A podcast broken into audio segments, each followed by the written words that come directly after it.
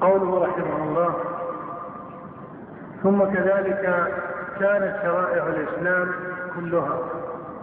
هذا إلحاق بما ذكره في شأن مسألة الزكاة. وليس مراده رحمه الله أن شرائع الإسلام يعطى أو تعطى الحكم الذي ذكره في باب الزكاة أو في مسألة الزكاة وقتال أبي بكر لمانعيها وإنما مراده أن الإيمان ابتدأ بذكر الشهادتين ثم كلما نزلت الشريعة من الشرائع فإنها تكون داخلة في المسمى وأما أن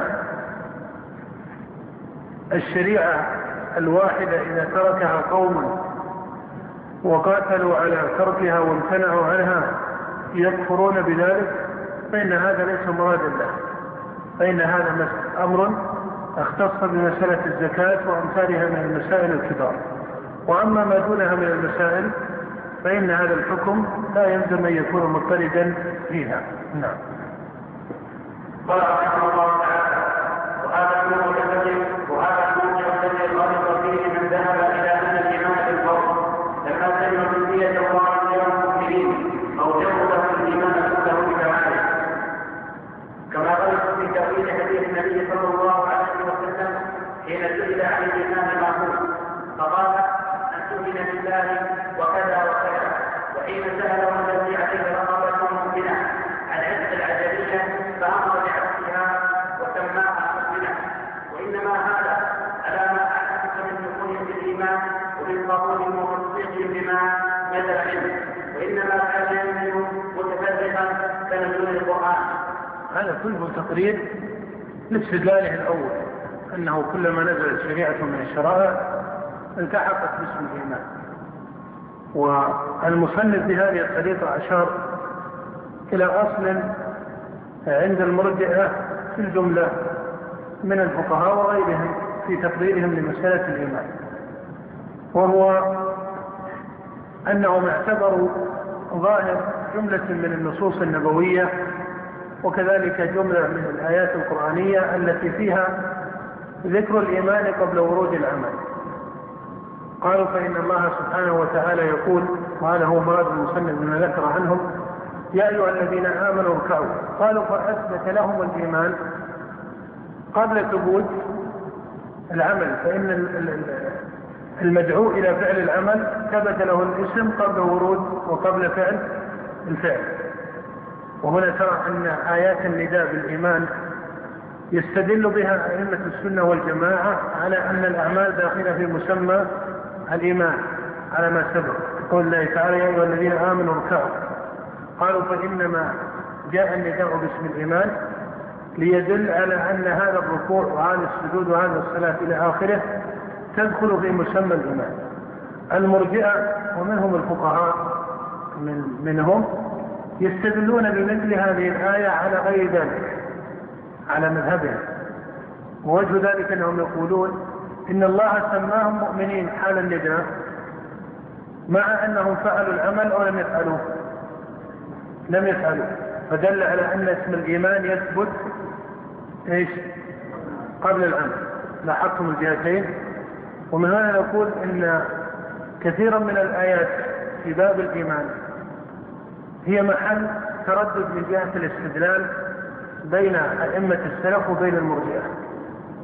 والفقهاء هم أخص طوائف المرجئة استدلالا بآيات القرآن بمعنى أن مرجئة الفقهاء كحماد ومن وافقه من المتقدمين من الفقهاء ما كانوا يستعملون في الاستدلال على قولهم الجمل الكلامية أو الأصول الكلامية النظرية التي أدخلها ولاة المرجئة فيما بعد.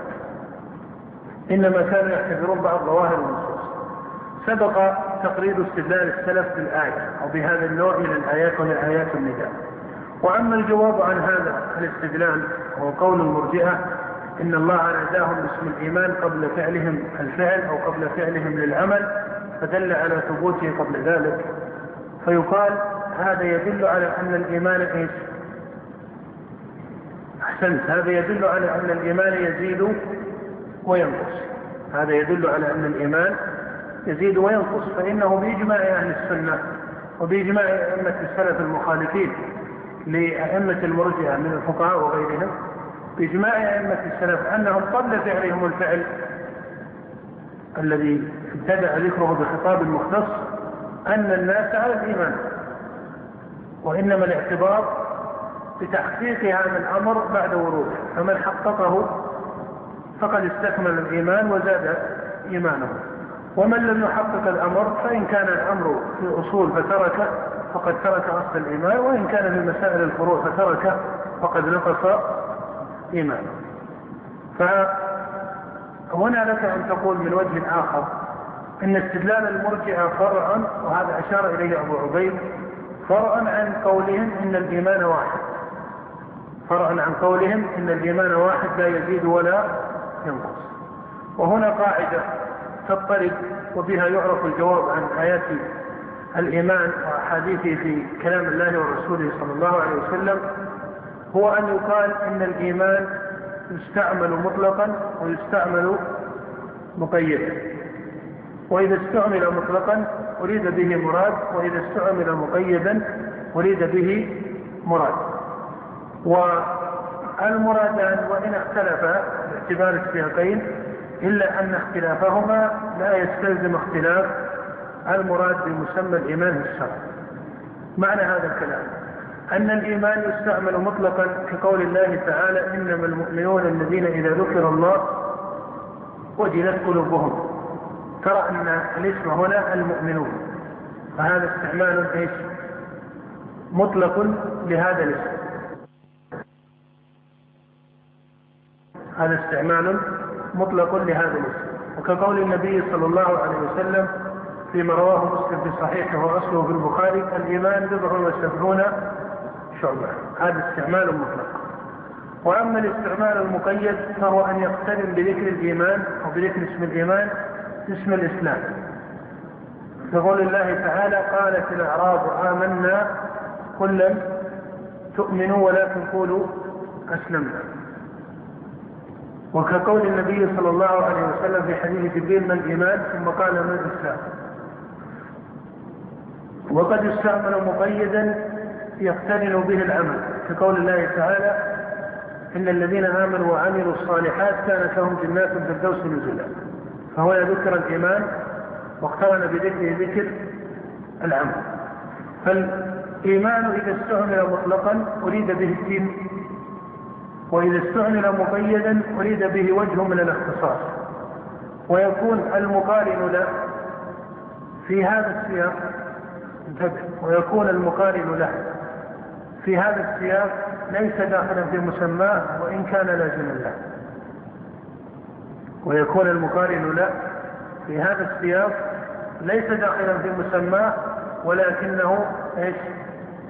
ولكنه لازم له وعدم دخوله في سياق أي عدم دخول المقارن في سياق لا يستلزم عدم دخوله في سائر السياقات وإذا اعتبرت الحقيقة الكلية للإيمان فهي مجموع السياقات المطلقة والمقيدة هذا الأصل تأملوا فيه. من فقهه بان له تفصيل السلف في هذه المسألة. وبان له أن غلط المرجع من عدم فقههم لهذا الأصل. نقول الإيمان يستعمل مطلقا ويستعمل مقيدا. استعماله مطلقا هي آيات ذكره على الإطلاق إما ذكره باسم الإيمان أو ذكره صفه للمؤمنين. في قوله تعالى إنما المؤمنون الذين إذا ذكر الله قد أفلح المؤمنون. هنا ترى في هذه السياقات أن اسم الإيمان يدخل فيه الأعمال الظاهرة والباطنة. أليس كذلك؟ مثلا تأملوا قول الله تعالى إنما المؤمنون الذين إذا ذكر الله وجلت قلوبهم. هذا تحقيق للإيمان إيش؟ في القلب. وإذا تليت عليهم آياته زادتهم إيمانا. قولوا زادتهم إيمانا على الإطلاق هذا في الظاهر والباطن. قال وعلى ربهم يتوكلون وهذا من مسائل القلب. ثم قال الذين يقيمون الصلاة وهذا من مسائل العمل. فهذا بيان لكون الإيمان قولا وعملا أو قولا وعملا. وأما إذا استعمل مقيدا فإنه يراد به تارة أصل الإيمان الذي هو القلب. وهو الإيمان الذي يذكر مع الإسلام. في قول الله تعالى قالت الأعراب آمنا قل لم تؤمنوا ولكن قولوا أسلمنا ولما يدخل الإيمان في قلوبكم. وهنا ترى من صريح السياق أن الإيمان أشرف من إيش؟ من الإسلام. وإنما أريد بالإسلام هنا الظاهر من الأعمال. ولهذا قال ولما يدخل الإيمان في قلوبكم. ويذكر مقيدا مقترنا بالأعمال الصالحات وهذا كثير في القرآن. إن الذين آمنوا وعملوا الصالحات. هنا التقرير أن الإيمان إذا استعمل مطلقا أريد به جميع الدين. ظاهره وباطنه. وإذا استعمل مقيدا فإنما قارنه ما هو الذي قارنه بالسياقات إما الإسلام وإما إذا تأملت المقيد ذكره في الإيمان في القرآن والسنة إما أن يقيد بذكر الإسلام وإما أن يقيد بذكر الأعمال الصالحة. نقول إذا استعمل مقيدا فإنما قارنه يكون في هذا السياق. لابد من هذه الجملة. يكون في هذا السياق خارجا عن مسماه. وإن كان إيش؟ وإن كان لازما له. وخروجه عن مسماه في هذا السياق لا يستلزم خروجه عن مسماه في سائر السياقات فضلا عن الحقيقة في نفس الأمر. نعيد.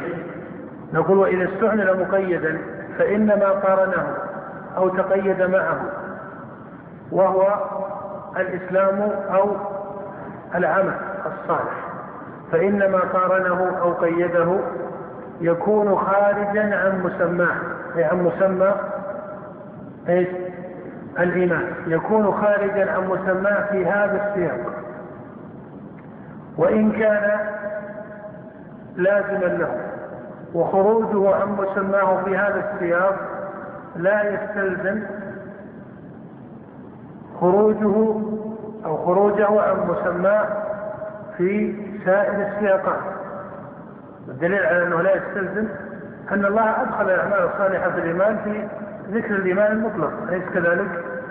فخروجه عن مسماه في سياق لا يستلزم الخروج في سائر السياقات فضلا عن إيش؟ عن الحقيقة الإيمانية الشرعية في نفس الأمر الذي هي مراد الله ورسوله صلى الله عليه وسلم هذا هو الطريق المحقق في هذه المسألة. وهذا الطريق يتفرع عنه أن الإيمان له أصل وله كمال وأنه يزيد وينقص. هنا جواب لبعض أهل السنة وهو لا بأس به لكنه ليس هو الجواب الراجح. أنهم يقولون إن الإيمان إذا اقترن بالعمل فهذا من باب عطف الخاص على العام إن الذين آمنوا وعملوا الصالحات يقولون المراد بالإيمان هنا القول والعمل. فإذا قيل لهم فكيف قيل وعملوا الصالحات؟ قالوا هذا من باب عطف. إيش؟ الخاص على العام في قولك جاء الرجال وزيد. هذا جواب لا بأس به لكنه ليس هو الجواب الراجح. ليس هو الجواب الراجح لأن المراد هنا بيان أن الإيمان أصل وأنه إيش؟ وأن له إيش؟ تماما وكمالا وهو العمل. وأن له تماما وكمالا وهو الأعمال الصالحة. ولهذا الإمام ابن تيمية رحمه الله رجح هذا الجواب في مقام التقييد سواء قيد بالعمل أو قيد باسم الإسلام. يقول إذا تقيد باسم العمل أو باسم الإسلام فإنما تقيد معه يكون خارجا عن مسماه في هذا السياق وإن كان لازما له. وخروجه عن مسماه في هذا السياق خروج العمل عن مسمى الإيمان في قوله إن الذين آمنوا وعملوا الصالحات لا يستلزم الخروج في سائر السياقات بدليل قوله تعالى إنما المؤمنون الذين إذا ذكر الله بدليل قوله تعالى قد أفلح المؤمنون بدليل قول النبي صلى الله عليه وسلم في حديث عبد القيس الإيمان شهادة أن لا إله إلا الله وإقام الصلاة وإيتاء الزكاة وصوم رمضان وأن تؤدوا خمسا من المغنم وهو في الصحيحين إلى أمثال ذلك. وهذا الفقه لكون الإيمان يستعمل مطلقا ويستعمل مقيدا به يحصل الرد على سائر طوائف المرجئة والوعيدية. فإن الوعيدية اعتبروا في اعتبروا من النصوص وأعني بالوعيدية الخوارج المعتزلة اعتبروا من النصوص أي السياقين المطلق والمقيد. اعتبروا في استدلالها المطلق والمقيد. المطلق. الخوارج الذين يقولون من ترك واجبا كفر. اعتبروا المطلق. قالوا لأن الله لا يسمي المؤمنين إلا وقد استكملوا الأعمال الظاهرة وإيش؟ والباطنة. فاستعملوا الآيات المطلقة. ولهذا إذا قرأت في كتب المعتزلة وجدت أنهم إذا استدلوا على قولهم يستعملون مثل قوله تعالى قد أفلح المؤمنون. إنما المؤمنون إذا الذين إذا ذكر الله وجلت قلوبهم إلى أمثال التنوع وهذا التنوع عبارة أصح إذا قيل ما وجه هذا التنوع في كتاب الله وفي كلام الرسول عليه الصلاة والسلام قيل إنما تنوع ذكر الإيمان لأن الإيمان ليس واحد ولهذا نقول إن ذكره مطلقا وذكره مقيدا دليل قاطع على كون الإيمان يزيد وإيش؟ وينقص. لأن الله أثبت أصله في مقام وتركه عن العمل أو تركه عن الإسلام. وفي مقام آخر ذكر على التمام والكمال. أما المصنف هنا فقال لما سئل عن الإيمان قال ان تؤمن بالله وملائكته إلى آخره. يشير إلى حديث جبريل. ولا شك أن النبي صلى الله عليه وسلم لما ذكر الإيمان في حديث جبريل ذكره في القلب وفي الاعتقاد وهو الإيمان بالله وملائكته إلى آخره. لكن نقول هذا في ذكر الإيمان المطلق أو المقيد. في حديث جبريل في ذكر الإيمان المطلق أو المقيد المقيد لأنه قيد معه إيش؟ اسم الإسلام قيد معه اسم الإسلام ولهذا إذا ذكر الإيمان مقيدا فإنما يراد إيش؟ أصل إذا ذكر الإيمان مقيدا أريد أصل ولهذا إذا تاملت آيات القرآن وأحاديث الرسول التي ذكرت الإيمان مقيدا إما بإيش؟ باسم الإسلام وإما باسم العمل. ترى أن الإيمان يذكر في أي موارده في القلب أو في العمل. ترى أن الإيمان هنا يذكر في مورد إيش؟ الإيمان القلبي. وهذا كما قلنا إنه دليل على أن الإيمان يزيد وينقص وأن له أصلا وكمالا. هو دليل على الحقيقة التي سبق أن أشرنا إليها وهو أن أصل الإيمان أين؟ أن أصل الإيمان في القلب. والسلف وإن قالوا هو قول وعمل وجعل العمل أصلا في الإيمان إلا أنهم متفقون على أن أصل الإيمان في القلب. هذا محل اتفاق بين السلف أن أصل الإيمان في القلب. وإن كان العمل إيش؟ أصلا فيه كذلك لكن مبدأه أي مبدأ الإيمان هو في القلب. نعم. وقال وحين سأله الذي عليه رقبة المؤمنة عن عتق العجمية هذا إشارة إلى حديث معاوية بن الحكم السلمي وهو حديث رواه مسلم في صحيحه. في قصة معروفة في مجيء معاوية بن الحكم وما تحدث به من القول في الصلاة فلما طاب له خلق الرسول صلى الله عليه وسلم سأل النبي صلى الله عليه وسلم عن مسائل وكان في آخر مسائله أن قال يا رسول الله. وكانت لي جارية ترعى غنما لي قبل أحد والجوانية فاطلعت ذات يوم فإذا الذئب قد ذهب بشاة من غنمها وأنا رجل من بني آدم آسف كما يأسفون لكني سكتها سكة قال فأتيت رسول الله صلى الله عليه وسلم فعظم ذلك عليه. فقلت يا رسول الله أفلا أعتقها؟ قال ائتني بها. قال فأتيت بها فقال لها أين الله؟ قالت السماء. قال من أنا؟ قالت أنت. رسول الله قال أعتقها فإنها مؤمنة. هذا استدل به المرجع قالوا لأن النبي صلى الله عليه وسلم اكتفى للحكم بإيمانها بإيش؟ بمجرد أنها شهدت أن الله في السماء وأنه رسول الله. فدل على أن الإيمان هو التصديق. أو يقول فقهاءهم فدل على أن الإيمان لا يدخل فيه العمل. وهذا الحديث أجيب عنه بجوابين الجواب الأول وقد ذكره الإمام أحمد هو أن لفظ فإنها مؤمنة فيه إعلان. ولهذا الإمام أحمد في بعض جواباته قال ليس جميع الناس يقولون إنها مؤمنة. يقصد بذلك الرواة. هذا جواب.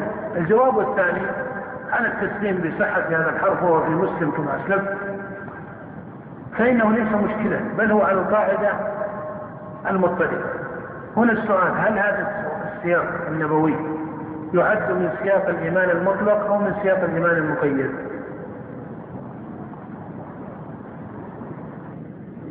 هذا من سياق الإيمان المقيد. قد يقول قائل أين التقييد؟ ما ذكر العمل ولا ذكر الإسلام. نقول نعم ليس بالضرورة أن التقييد يقتصر على هذين إما أن يكون التقييد بالأسماء وإما أن يكون التقييد بالأحوال. وإما أن يكون التقييد بالأحوال ما معنى أن التقييد هنا بالأحوال معناه أن المقام هنا هل هو مقام ثناء وتزكية أم مقام إجراء لحكم من الأحكام الدنيوية؟ أيهما؟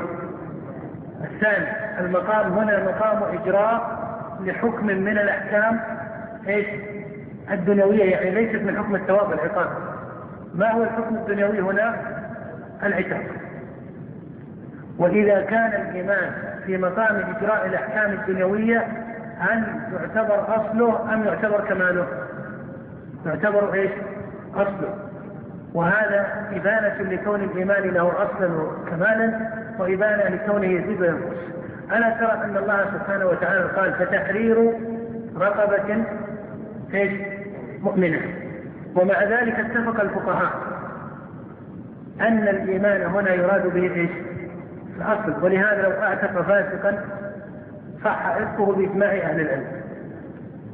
فأريد هنا بقولي فإنها بقولي فتحرير رقبة مؤمنة أي معها أصل الإيمان. فإذا نقول هذا الموضع من المواضع المقيدة.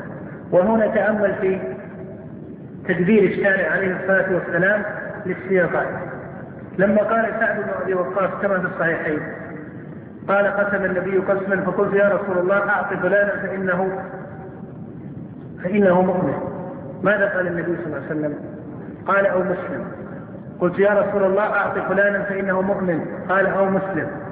قال أعط فلانا فإنه مؤمن. قال أو مسلم. قال سعد أقولها ثلاثا ويرددها علي ثلاثا أو مسلم.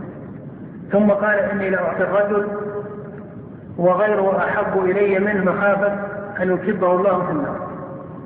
هنا السؤال لماذا النبي صلى الله عليه وسلم منع سعدا أن يسميه مؤمنا وهو عليه الصلاة والسلام سمى الجارية مؤمنا مع أن الرجل الذي زكاه سعد بالقطع أنه يشهد أن الله في السماء وأن محمدا رسول الله والنبي أشار إلى هذا بقوله وغيره أحب الرجل واضح أنه من المؤمنين بدليل تزكية سعد له وبدليل إقرار النبي بجملة تزكيته.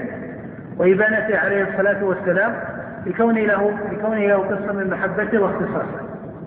لماذا النبي صلى الله عليه وسلم هنا سمى الجارية مؤمنة وهنا منع سعدا؟ لأن إيش؟ لأن المقام يختلف. في حديث الجارية المقام مقام تقييد بالحال ولهذا إذا ذكر اسم الإيمان في مقام إجراء الأحكام الدنيوية فإنه يعتبر إيش؟ أصله كالإرث والعتاب والولاية وما إلى ذلك. وأما إذا اعتبر في مقام الثناء والتزكية فإنه يعتبر إيش؟ تماما ولهذا سعد لما قال يا رسول الله أعطي فلانا فإنه مؤمن. هل أراد أن معه أصل الإيمان أم أراد أنه مزكى بالإيمان المحقق؟ أراد إيش؟ الثاني أراد التزكية أي أنه من أهل التقوى ومن أهل التحقيق.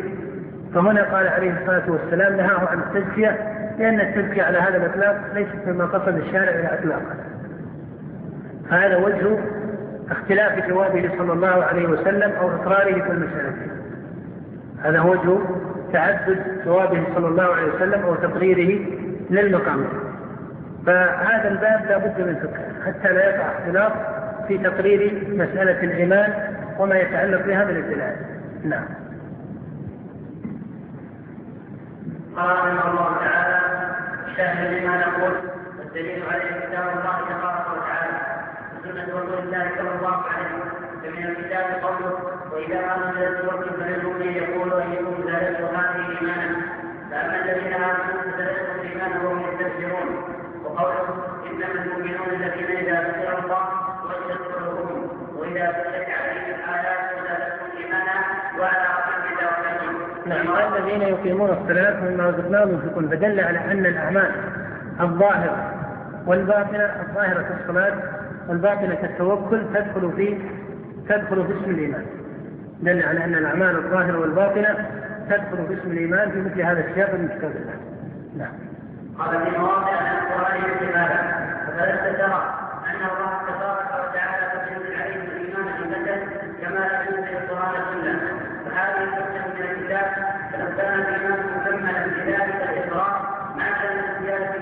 نعم لو كان الإيمان هو محو التصديق الأول لما أمكن زيادته وإيش؟ ونقصانه. فلما ذكر الله في كتابه كثيرا أن الإيمان يزيد وأن المؤمنين يزدادون إيمانا دل على أن جميع الشرائع تدخل فيه. نعم. قال فلو كان الإيمان مكملا بذلك الإقرار ما كان الزيادة إلى المعنى ولا يجريها مدة وأما الحجة من السنة والآثار المتواترة. في هذا من زيادات قواعد الإيمان بعضها بعد بعض ففي حديث منها أربع وفي آخر خمس وفي الثالث ست وفي الرابع أكثر من ذلك فمن الأربع والآثار المتواترة مراده رحمه الله بالتواتر هو مراد من ذكر لفظ التواتر من الأئمة كالشافعي وأمثاله.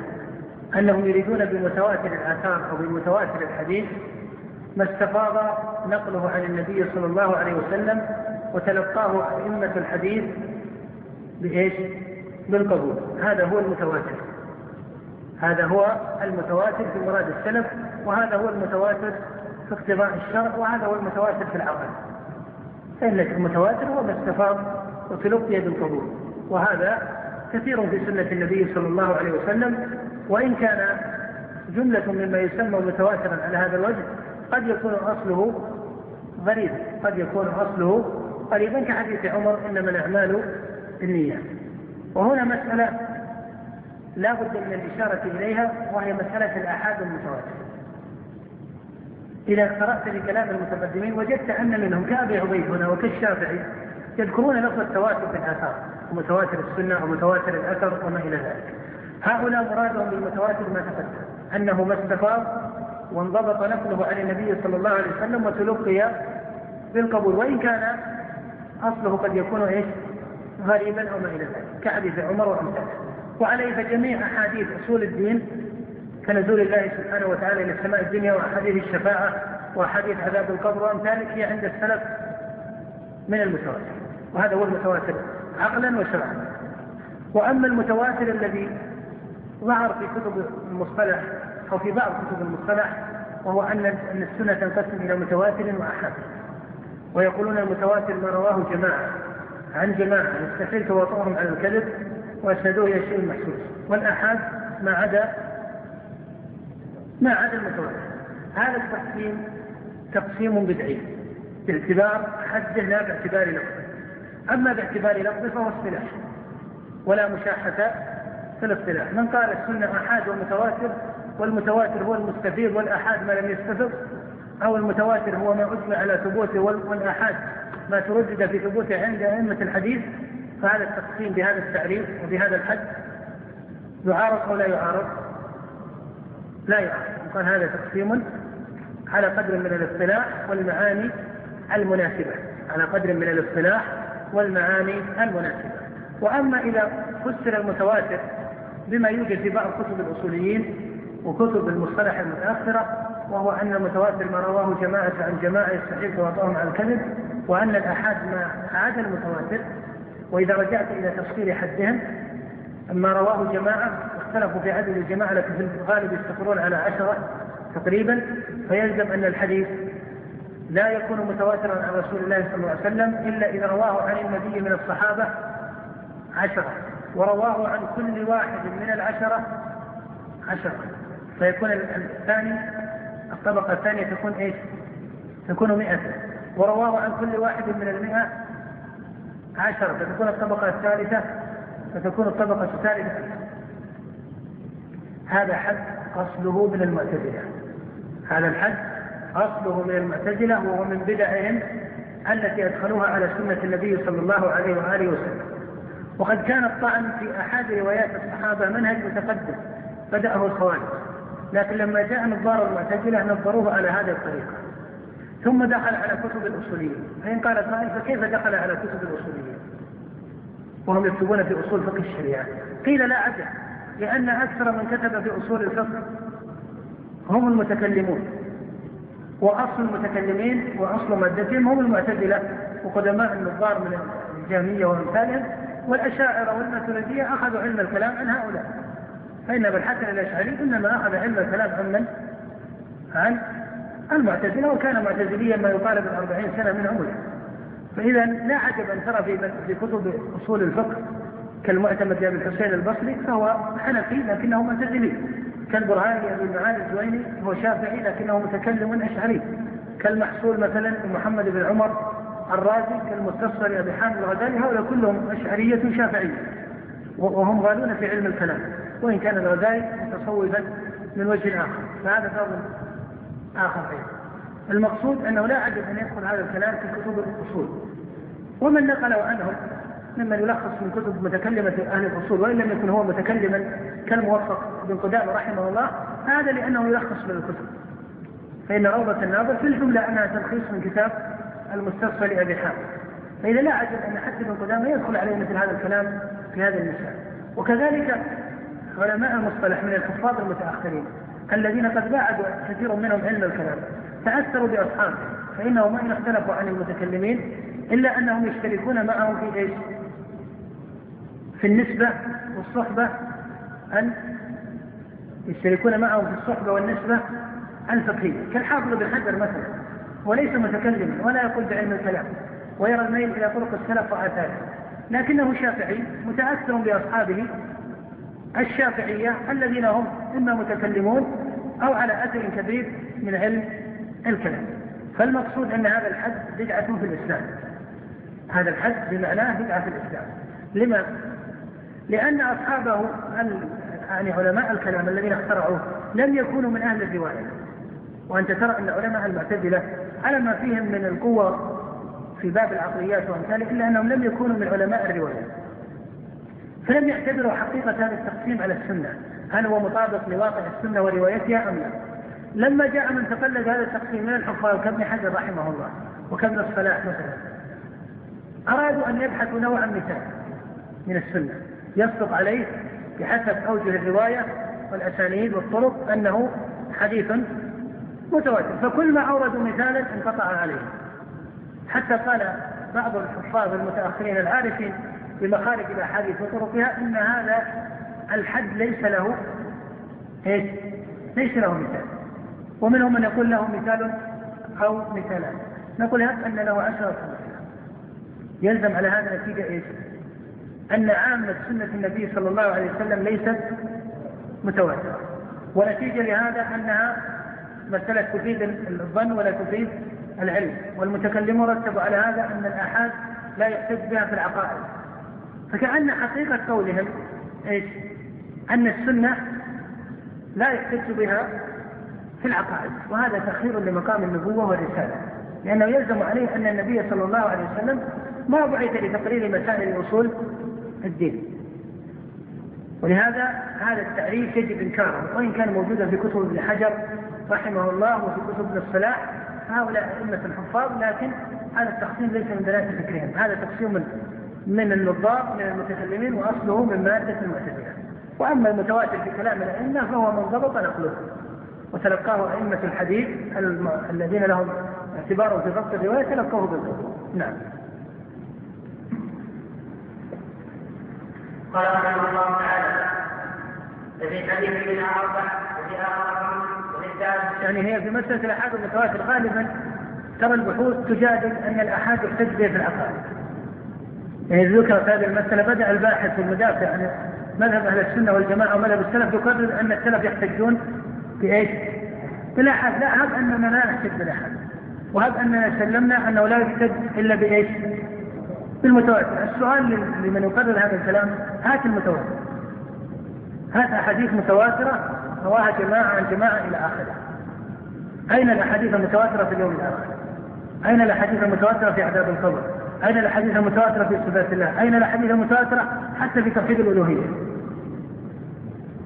لكن إذا اعتبرت التواتر على معنى السلف فإنك ترى في باب توحيد الألوهية وتوحيد الربوبية والصفات والقدر والشفاعة وأمثال ذلك ترى أنها إيش؟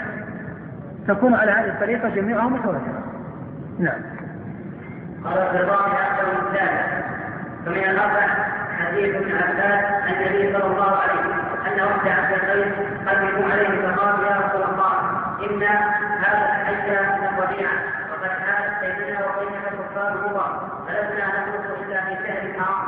فظن بأمر نحمل به وندعو إليه من وراءنا فقال أمركم بأربع وأنهاكم عن أربع الإيمان. ثم فسره لهم شهادة أن لا إله إلا الله وأن محمدا رسول الله. وإقام الصلاة وإيتاء الزكاة. وأن تؤدوا خمس ما عن السلفان والحدث والنقيب والمغير. نعم حديث ابن عباس متفق عليه وقد أخرجه الإمام مسلم في صحيحه من رواية أبي سعيد الخدري تفرد بها. هذا الحديث يعد من أشرف الأحاديث عند أهل السنة والجماعة في تقرير مسألة الإيمان ودخول العمل فيه.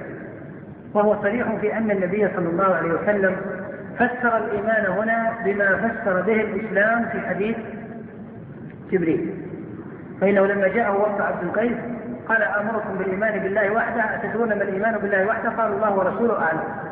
لم يقل أن تؤمنوا بالله وملائكته وكتبه ورسله وإنما قال شهادة أن لا إله إلا الله وأن محمدا رسول الله وإقام الصلاة وإيتاء الزكاة والصوم رمضان. وعليه من قال من المرجئة وهذا يقول حتى فقهاءهم من يقول إن دخول العمل في الإيمان هو من باب المجاز. يلزم أن النبي صلى الله عليه وسلم فسر الإيمان لهم هنا ولم يفسره إذا قالوا إن هذا من باب المجاز. يلزم أن النبي صلى الله عليه وسلم لم لم يفسر الإيمان لهم لأن المجاز يصح لأن المعاني المجازية يصح نفيها. فإذا هذا غلط متين في تقرير المرجئة لمسألة العمل ودخوله في الإيمان. أنهم يقولون ويقول بعض آه، من يجيب عن ظواهر النصوص إن هذا من باب المجاز نقول يلزم عليه أن تفرغ النصوص من حقائقها الشرعية وإن النبي في مثل هذا السياق لم يجبهم في تقرير مسألة الايمان. فإذا ذكره عليه الصلاة والسلام لهذه الخصال في تقرير اسم الايمان إبانة لمسألتين. المسألة الأولى أن العمل إيش؟ داخل في مسمى الإيمان. المسألة الثانية ما هي؟ عمل يزيد أن العمل أصل في الإيمان أن العمل إيش؟ أصل في الإيمان لما؟ لأن الشارع لما فسر الاسم المطلق جعل مادة تفسيره بالعمل فدل على أن العمل إيش؟ أصل فيه ولا سيما أن القوم إنما سألوا عن الأصل اللازم الذي تقع به النجاة فإن قيل إذا كانوا قد سألوا عن الأصل اللازم فلما لم يبين لهم عليه الصلاة والسلام المبدأ وهو إيش؟ تصديقات القلب. قيل لأن القوم كانوا مسلمين. قد عرفوا أصول التصديق وهي الإيمان بالله وملائكته وكتبه ورسله واليوم الآخر. كانوا قد عرفوا أصول التصديق. ولهذا أبان لهم الأصل الظاهر وهو العمل. فإذا حديث عبد القيس يدل على مسألتين. المسألة الأولى أن الأعمال داخلة في مسمى وهذا وجه يشير إليه عامة من تكلم عن الحديث من أصحاب السنة. الوجه الثاني وهو له قدر واختصاص أنه يدل على أن العمل أصل في الإيمان، لما؟ لأن النبي صلى الله عليه وسلم لما فسر الاسم المطلق لما قال آمركم بالإيمان أتدرون ما الإيمان؟ هذا اسم إيش؟ مطلق أو مقيد؟ هذا اسم مطلق.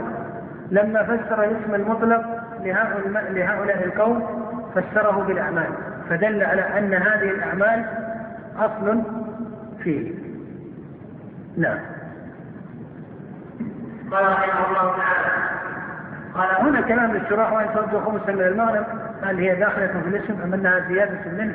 هذه مسألة يسيرة إما أن تكون داخلة وإما أن تكون يسيرة. وقوله أمركم بأربع ثم أمرهم بخمس هذا العرب مما تتجوز فيه. هذا العرب مما تتجوز فيه وإنما أراد أن الأربع هي أصول أراد أن الأربع هي أصول الإيمان وما ما زاد عليها من الشرائع قوله أن تؤدوا خمسا من المال ونهاكم عن الدباء والحمثم والمزفت والنقير والمقير. فهذه منسوخة على الصحيح وهو مذهب الجمهور وأصح الروايتين عن أحمد. هذا كان في أول الأمر ثم نسخ في حديث بريدة وغيره. كنت نهيتكم عن الظروف فإن الظروف لا تكلم شيئا ولا أحدا تشربوا في الآنية كلها ولا تشربوا مسكرا. هذا منسوخ في آخر الأمرين على الصحيح وهو مذهب الجمهور. نعم. قال ابو حدثنا عباس بن عباس المهلبي قال حدثنا أبو جمره عن عباس عن النبي صلى الله عليه وسلم بذلك ومن الخمس حديث ابن عمر أنه سمع رسول الله صلى الله عليه وسلم يقول بني الإسلام على خمس شهادة أن لا إله إلا الله وأن محمدا رسول الله واقام الصلاه وايتاء الزكاه وقول الله وحج البيت. ما وجه استدلال المسند بحديث ابن عمر في مباني الإسلام أو حديث متفق عليه على دخول العمل قسم إيش؟ الإيمان. هو له إشارات فاضلة في الفقه. هنا ما وجه استدلاله بهذا الحديث على أن اسم الايمان على أن الأعمال داخلة في مسمى الإيمان مع أن النبي هنا قال الإسلام وبني الإسلام على خمس. ما وجه ذلك؟ وجهه حتى اختصر الوقت وجه ذلك أن الإسلام إذا أطلق في كتاب الله أريد به إيش؟ الإيمان. ولهذا لما قال بني الإسلام على خمس هذا اسم للإسلام واسم للإيمان. ولهذا ترى أن الله سبحانه وتعالى لما ذكر الأنبياء ذكر إسلامه قوله تعالى عن إبراهيم ربنا واجعلنا مسلمين لك. وهنا غير طوائف من المرجعة ممن فضل اسم الإسلام على الإيمان. قالوا لأن إبراهيم سأل ربه الإسلام ولم يسأله تحقيق. الإيمان فدل على أن اسم الإسلام أشرف هذا ليس كذلك. لأن الإسلام المطلق يراد به الدين جميعا. وهذا هو قوله تعالى ومن يبتغي غير الإسلام دينا فلن يقبل منه. وهو قوله تعالى ورضيت لكم الإسلام دينا. وهو قوله تعالى ربنا واجعلنا مسلمين لك. ويستعمل الإسلام ويراد به الظاهر فقط من العمل. في قوله تعالى في الأعراف قل لم تؤمنوا ولكن قولوا أسلمنا نعم. قال أبو عبيد حدثنا إسحاق بن سليمان الرازي عن عمران بن أبي سفيان عن عكرمة بن خالد عن ابن عمر عن النبي صلى الله عليه وآله وسلم بذلك. قال ونسلم حديث أبي هريرة عن النبي صلى الله عليه انه قال إن الاسلام هو المناره كمنار الطريق. قال عبيد هو هي ما غرق وارتفع عن الأرض واحدتها صفوه منها أن تؤمن بالله ولا تشرك به شيئا وإقام الصلاة وإيتاء الزكاة وصوم رمضان وحج البيت والأمر بالمعروف والنهي عن المنكر. وأن تسلم على أهلك إذا دخلت عليهم وأن تسلم على القوم إذا مررت بهم. فمن ترك من ذلك شيئا فقد ترك سهم من الاسلام ومن تركهن فقد ضل الاسلام نعم وهذا إبانة لتعدد شرائعها على قول النبي صلى الله عليه وسلم الإيمان بضع وسبعون شعبة فأعلاها قول لا إله إلا الله وأدناها إماطة الأذى عن الطريق والحياء شعبة من الإيمان. وإذا تأملت في هذا الحديث وجدت أن الشارع جعل اسم الإيمان متعلقا بالقول في قول إيش؟ فأعلاها قول لا إله إلا الله. ومتعلقا بعمل القلب في قول والحياء شعبة منه. ومتعلقا بالعمل الصالح في قوله وأدناها إماطة الأذى عن الطريق. وإذا كان إماطة الأذى عن الطريق شعبة من الإيمان فمن باب الأولى أن تكون إيه؟ الصلاة والزكاة داخلة في الإيمان. ولهذا هذا الحديث فيه فضائل في تقرير مذهب السلف وهو أنه يمتنع تأويله بالمجاز. لما؟ لأن الشارع يقول الإيمان بضع وسبعون شعبة. فجعل الواحد من هذه الخصال شعبة إيش؟ مختصة لوحدها. ولهذا يمتنع تأويلها بمجاز أو غيره. وإذا كان الحياء شعبة من الإيمان وهو في القلب فمن باب أن من باب الأولى أن أعمال القلوب التي هي أجل منه كالمحبة لله ورسوله والخوف والرجاء وأمثال ذلك أنها أصول في الإيمان. وإذا كان إماطة الأذى على الطريق شعبة من الإيمان فمن باب الأولى أن ما فوقه من الواجبات فضلا عن المباني والأركان أنها تكون من شعب الإيمان ولهذا نقول هذا الحديث يمتنع تأويله لأن الشارع صرح بأن هذه شعب فكل واحدة منها لها إيش؟ اختصاص. إشارة أبي عبيد هذه نختم بها هذا المجلس في مسألة يكثر الخلاف والنظر فيها في قوله ومن تركهن فقد ولى الإسلام. فيما يتعلق بترك العمل هنا ثلاث مسائل. اتفق أهل السنة والجماعة وعامة المسلمين على أن أحد الأعمال أي الأعمال المأمور بها لا توجب الكفر والخروج من الإيمان. هذا كقاعدة كلية مضطردة ولم نعارض في ذلك إلا الغلاة كالخوارج والمعتزلة.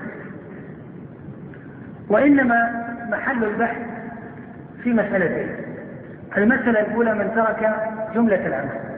أي من ترك جميع الأعمال الظاهرة وهو ما يسمى في التعبير المعاصر بترك جنس العمل. فهل هذا يكون مؤمنا بما في قلبه أم أنه يكون كافرا بتركه لهذا الأصل وهو الأعمال الظاهرة هذه مسألة يأتي لها بحث إن شاء الله.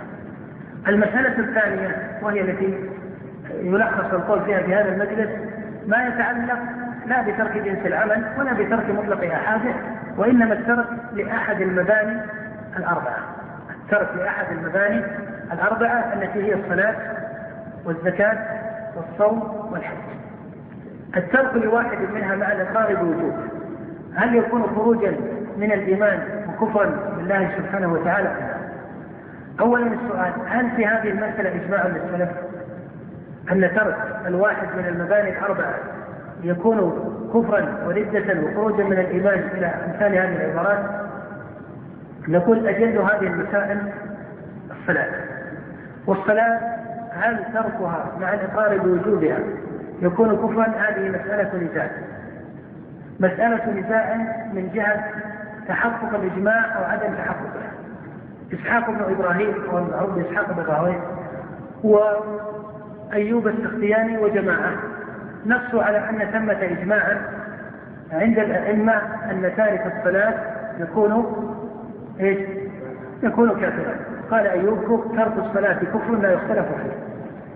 وإسحاق بن إبراهيم وهو أشد من قرر الإجماع يقول فيما رواه عن محمد بن نصر وأبو عمر بن عبد البر يقول أجمع أهل العلم. وتأمل في كلام إسحاق لأنه في الغالب أنه هو مرتكز من يعبر عن المسألة بكونها كفرا بالإجماع. يقول أجمع أهل العلم من زمان رسول الله صلى الله عليه وسلم إلى زماننا هذا أن من أدركته صلاة فتركها حتى خرج وقتها من غير عذر أنه كافر. هذا هو الإجماع المروي عن إسحاق بن إبراهيم. تأمل في نفسه يقول أجمع أهل العلم من زمان رسول الله إلى زماننا هذا أن من أدركته صلاة واحد فتركها حتى خرج وقتها أنه أنه كافر. ومن هنا ذهبت جملة من أصحاب أحمد وبعض أهل العلم من المعاصرين ينتصر لهذا. أن ترك الصلاة كفر بالإيش؟ بالإجماع. يعني المسألة هنا لسنا نقرر هل هو كفر وليس كفر. إنما نتكلم عن عن هل المسألة فيها إجماع أم لا. هذا القول يعني القول بكون ترك الصلاة كفرا بالإجماع أي أن هذا مجمع عليه بين السلف والأئمة والصحابة هذا قول ضعيف. والصواب أن المسألة ليس فيها إجماع عند السلف. لأن هذا الإجماع الذي ذكره إسحاق بن إبراهيم يعلم بالضرورة أنه ممتنع التحقق. فهل من يقول بالإجماع أو من يكفر تارك الصلاة؟ هل اتفقوا على أن ترك الصلاة الواحد حتى خرج وقتها أن هذا كفر وخروج من الملة هو رحمه الله يقول أجمع العلم من زمان رسول الله إلى زماننا هذا أن من ترك صلاة واحدة حتى خرج وقتها أنه كفر. هذا يمتنع أن يكون إجماعا. بهذه الصورة التي هي إيش؟ ترك صلاة واحدة ولهذا عامة أهل العلم من المتقدمين والمتأخرين على خلاف هذا وهذا هو الذي تدل عليه الصلاة النصوص الصريحة أن ترك صلاة واحدة لا يخرج من الإسلام.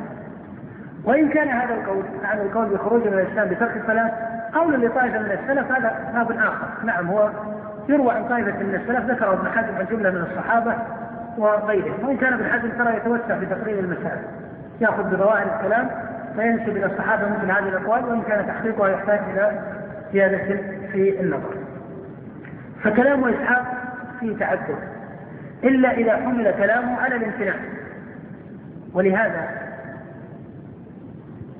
من نقل كلام إسحاق نقلوه على وجهين منهم من يرويه عنه بالوجه السابق ومنهم من يروي عنه بقوله أن من ترك صلاة واحدة حتى خرج وقتها وأبى قضاءها فإنه يكون كافرا. فإذا حمل وهو قوله وأبى قضاءها إذا حمل قوله على الممتنع فلا شك أن من ترك صلاة ودعي إليها وامتنع عنها إلى حد القتل فإنه يكون كافرا. ولهذا قال شيخ الإسلام من دعي إلى صلاة واحدة أو أكثر فامتنع وقيل هذا حده القتل فصبر على السيف فهذا كافر باتفاق المسلمين. قال لأنه يمتنع أن يكون قتل على الفسق قال وأما قول بعض أصحاب الأئمة الثلاثة إن هذا يقتل على الفسق فهذا غلط على الشريعة وعلى أئمتهم فإذا كلام إسحاق فيه تعذر من جهة التفسير والأظهر أن هذه المسألة مسألة نزاع بين السلف. وإن كان يمكن أن يقال أن الجمهور من السلف كانوا يذهبون إلى أن ترك الصلاة أو إلى أن تارك الصلاة كافر. لكن الخلاف معروف ومشهور ومضاف لأكابر كالزهري ومضاف لمالك ومضاف للشافعي. فضلا عن مرجعة الفقهاء لكن مرجعة الفقهاء لا يذكرون هنا لأن الإشكال في أصلهم. وإنما نريد هنا بالسلف الذين يقولون الإيمان قول وإيش؟ وعمل. فالأظهر أن مسألة الصلاة ليست من مسائل الإجماع. وإذا لم تكن من مسائل الإجماع فإن الأظهر فيها وهو الذي عليه الجمهور من السلف وهو ظاهر مذهب الصحابة أن تارك الصلاة أن تارك الصلاة. وأما قول عبد الله بن شقيق كان أصحاب محمد لا يرون شيئا من العمر ترك الكفر هذا أثر محفوظ عن عبد الله بن شقيق. لكن مالكا والزهري وإن كانوا متأخرين عن عبد الله بن شقيق إلا أنهم أعلم بآثار الصحابة رضي الله تعالى عنهم وبسننهم وبهديهم من عبد الله بن شقيق. والزهري لا شك أنه فوق عبد الله بن شقيق بمراحل. في ضبط آثار الصحابة رضي الله تعالى عنهم حتى إنه كما قال الإمام ابن تيمية لم يحفظ عليه غلط فالمقصود أن الأكابر كالزهري ومالك وبعض أئمة المدينة وبعض أئمة العراق ما كانوا يذهبون إلى أن تارك الصلاة كافر هذا يفيد أن هذه المسألة مسألة نزاع وهنا قد يكون لدى البعض من طلبة العلم عناية بقدر الصلاة وتعظيمها. فيحب أن ينزع إلى أن ترك الصلاة إيش؟ كفر بالإجماع وأن المسألة مغلقة؟ وهذا ليس بلازم لأن قول إسحاق لو أخذ على ظاهره للزم تكفير كثير من المسلمين يقول الإمام ابن تيمية رحمه الله وأما من يصلي أحيانا ويدع أحيانا فهذا ليس بكافر عند الأئمة. قال وهذه حال كثير من المسلمين اليوم في أكثر الأمصار. قال وهذه حال كثير من المسلمين اليوم في أكثر الأمصار يصلون أحيانا ويدعون أحيانا. قال فهؤلاء ليسوا كفارا. فالمقصود أن المسألة فيها نزاع وإن كان الأظهر فيها وهو الذي عليه الجمهور من السلف ودلت عليه ظاهر السنة وهو ظاهر مذهب الصحابة فيما رواه عبد الله بن شقيق. وكلام عبد الله بن شقيق يدل على أن هذا ظاهر مذهب الصحابة لكنه لا يدل على أن هذا إجماع إيش؟ متحقق للصحابة وفرق بين المسألتين. إن قلت إنه إجماع فلا يجوز الاجتهاد بخلافه وأنت تعلم أنه لو كان إجماعا لما أمكن رواته على الزهري ومالك وأمثال هؤلاء. حتى الإمام أحمد رحمه الله ترى تعلمون أن الرواية اختلفت عنه. في مسألة تارك الصلاة يكفر أو لا يكفر وكبار من محقق الحنابلة يجعلون مذهبه أنه لا يكفر وإن كان الصحيح في مذهبه أن تارك الصلاة كافر. لكن جملة من محقق الأصحاب لا يذهبون إلى كفره ويحققون أن هذا هو مذهب أحمد. فالمقصود أن هذه المسألة لها جهتان الجهة الأولى تعظيم قدر الصلاة. فهذا لا بد أن يعظم. الجهة الثانية تعظيم ديانة المسلمين أيضا. تعظيم ديانة المسلمين. فلا ينبغي أن يفتات فيها بتسرع إلى درجة أن يقال إن ترك صلاة واحدة يعتبر أو يعد خروجا من الملة إلا إذا كان العالم قد بان له بالشهادة من الشريعة أن ترك صلاة واحدة يكون كفرا وخروجا من الملة. فأفتى بذلك فهذا الاجتهاد قد سبق إليه أكابر من السلف والخلف. ولكن ليس من مقصود السنة والجماعة أن يقال إن ترك الصلاة كفر بالإجماع. فإن قال قائل إن نشر الخلاف أو ذكر الخلاف قد يهون من شأن الصلاة عند العام أو عند من يتساهل بها قيل هنا قائل أنك إذا حدثت العامة والسواد من المسلمين على المنبر وفي المجالس العامة فهنا تقول قال النبي صلى الله عليه وسلم العهد الذي بيننا وبينهم الصلاة فمن تركها فقد كفر. وليس من الفقه أن تأتي إذا كنت لا ترى كفر تارك الصلاة وتقول الصحيح أن هذا ليس من الكفر المطلق بل هو كفر دون الكفر.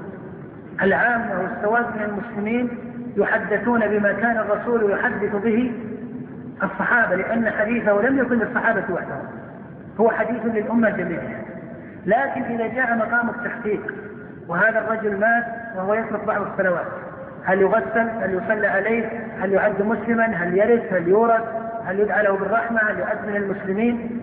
هذا مقام شديد أيضا وليس من السهولة أن تقول من ترك الصلاة حتى خرج وقت لا يصلى عليه ولا يكفن ولا يدفن في مقابر المسلمين وتعطيه جملة أحكام الكفار بل الإمام ابن تيمية يلجأ إلى مسألة وهو ممن يرجح كفر ترك الصلاة يقول إنه حتى لو قيل إن ترك الصلاة ردة فليس بالضرورة أن أحكام الردة الظاهرة تطبق أن أحكام الردة الظاهرة تطبق عليه ابن قدامة الموفق رحمه الله يقول إن ترك الصلاة ليس كفرا ويقول الدليل على هذا الإجماع من أين حصل الإجماع؟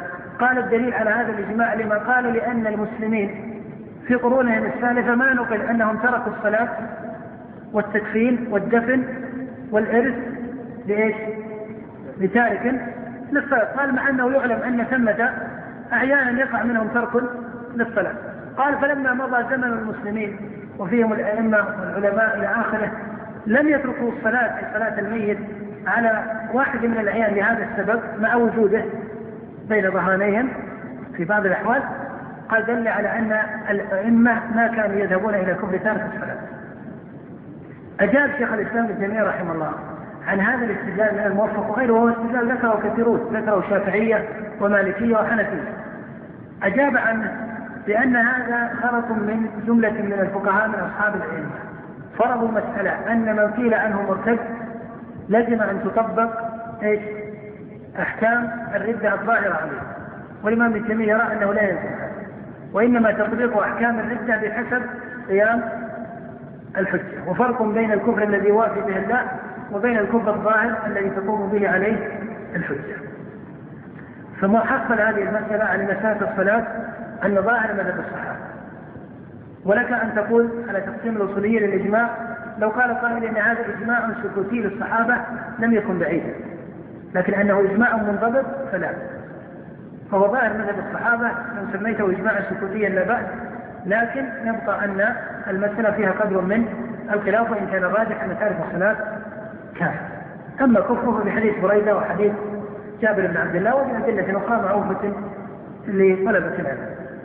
بقي مسألة من لم يكفر تارك الصلاة؟ هل هذا آثر من المرجئة عليهم؟ بعض من ينتصر بقوة لهذه المسألة يقول إن من لم يكفر تارك الصلاة قد دخل عليه الأثر من المرجئة. والصحيح عدم ذلك. والزهري كان من أشد الناس على المرجئة لدرجة أنه في أحاديث الوعد قوله صلى الله عليه وسلم مثلا من مات وهو يعلم أنه لا إله إلا الله دخل الجنة. وأمثال هذه الأحاديث. كان الزهري يذهب فيها إلى تأويل لم يوافقه عليه الجمهور من الأئمة. من باب إغلاق الباب على المرجئة حتى كان يقول الزهري عن هذه الأحاديث التي علق النبي فيها دخول الجنة على كلمة الشهادتين. يقول إن هذه قالها الرسول أول الإسلام قبل أن تنزل الشرع. مع أن هذا بعيد لأن النبي كان يحدث بهذه الأحاديث. في المدينة النبوية.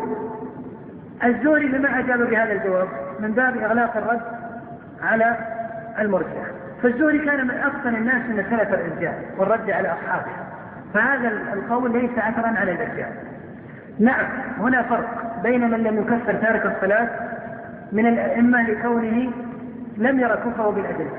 وبين من يقول إنه ليس بكافر لأن العمل إيش؟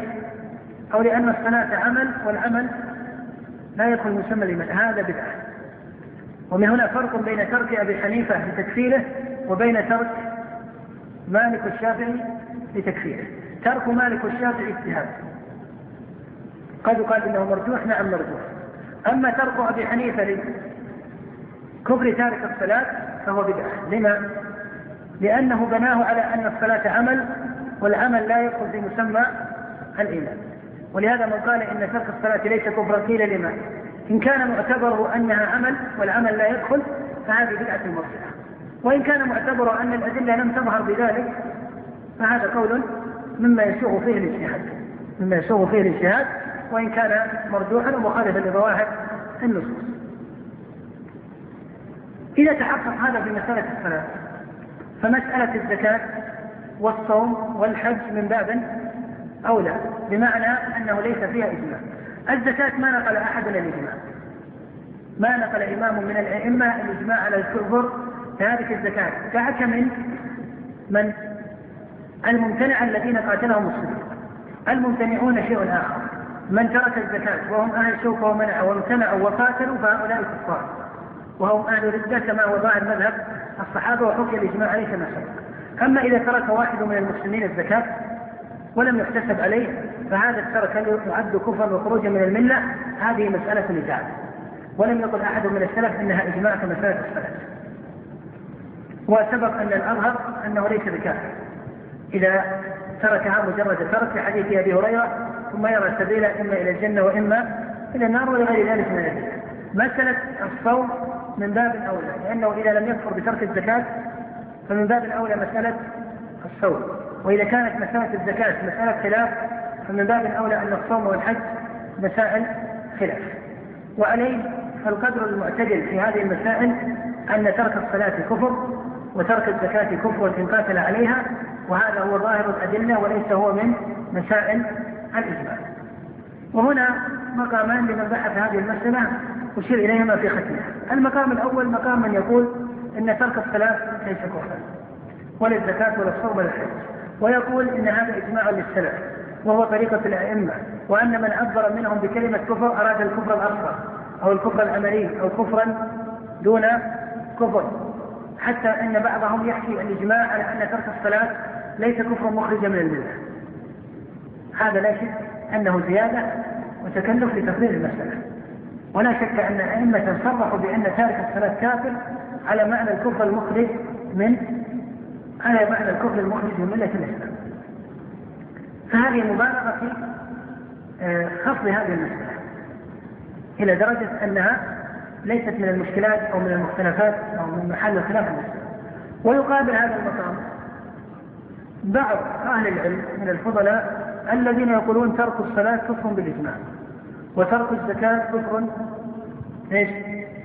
بالإجماع وترك الصوم كفر بالإجماع وترك الحج كفر بالإجماع. فيجعلون التارك لواحد من المباني الاربعه مع فعل غيره؟ يجعلونه إيش؟ كافرا بالإجماع. وهذا قرره بعض أهل العلم من البحث. أي من عزم على الكفر. ويستدلون بآثار. كقول عمر لا يبلغني أن أحد وجد سعه وزادا فلم يحج إلا ضربت عليهم. الجزية ما هم بالمسلمين ما هم بالمسلمين. يستدلون بقول الله تعالى ولله على الناس حج البيت من استطاع اليه سبيلا ومن كفر. قال ومن كفر أي ومن ترك. يستدلون بأن الصحابة أجمعوا على تارك الصلاة في حديث كلام عبد الله بن شقيق. وفي الزكاة يستدلون بقصة الذكر. ومن هنا يقولون أو يقول بعض هؤلاء إن ترك واحد من الأربع مع فعل غيره يعد إيش؟ كفرا وخروجا من الملة بالإجماع. أما إن كان يختار هذا القول ويذهب إلى أنه راجح فهذا يسرب عليه أو لا يسرب؟ الجواب إذا هو كاختيار لا يسرب عليه لأن طائفة من السلف كفروا تارك الصلاة طائفة من السلف كفروا تارك الزكاة طائفة من السلف كفروا تارك الصوم طائفة من السلف كفروا تارك. فمن قال إن هذا قول لطائفة من السلف فقد أصاب. وإن اختاره قيل اختار ما ما أداه إليه اجتهاد ومما يسوق به الاجتهاد والاختلاف وإن كان ليس راجحا ولكن الذي يقصد إلى التنبيه إلى الغلط فيه من يقول إن هذا إيش؟ إجماع هذا غريب. هذا حقيقة غريب. ما تجد في الكتب أبدا. أحد حكى الإجماع على أن ترك الصوم كفر بإجماع الأئمة أو أو الحج أو الزكاة. إنما الذي نقل فيها أحرف إجماع هي إيش؟ الصلاة. وأما ما دون ذلك فلا. وسبق أن نبهت إلى أن مذهب السلف لا يجوز أن يؤخذ بالفهم. إنما مذهب السلف يعتبر بالنقل بنقل الإجماع. وشيخ الإسلام ابن تيمية قال ومن حصل مذهب السلف في الفهم فهذا طريقة أهل البدع ومن شاركهم فيها من أصحابنا من الفقهاء. إنما مذهب السلف هو الإجماع المتحقق أو الإجماع المستفيض بحروفه مما يصدق يصدق تفاضله بالأعمال قول الله جل ثناؤه إنما المؤمنون الذين إذا ذكر الله وجلت قلوبهم وإذا تليت عليهم آياته زادتهم إيمانا وعلى ربهم يتوكلون. وهذا دليل على أن الإيمان يتفاضل بالأعمال الظاهرة والاعمال الباطنة أي بأعمال القلوب وأعمال الجوارح. فإن قوله وعلى ربهم يتوكلون وقوله وجلت قلوبهم دليل على تفاضل الإيمان بهذا الوجه. وكذلك قوله الذين يقيمون الصلاة دليل على تفاضل الإيمان بذلك فإن إقامة الصلاة ليست على وجه واحد بين المكلفين بل هم متفاوتون في تحقيق إقامتها. قالوا مما يبين لك التفاضل. قال رحمه الله ومما يبين لك تفاضله في القلب. قوله يا أيها الذين آمنوا إذا جاءكم المؤمنات مهاجرات فامتحنوهن. ألست ترى أنها هنا منزلا دون منزل؟ الله أعلم بإيمانهن. فإن علمتموهن مؤمنات. كذلك ومثله قوله يا أيها الذين آمنوا آمنوا بالله ورسوله.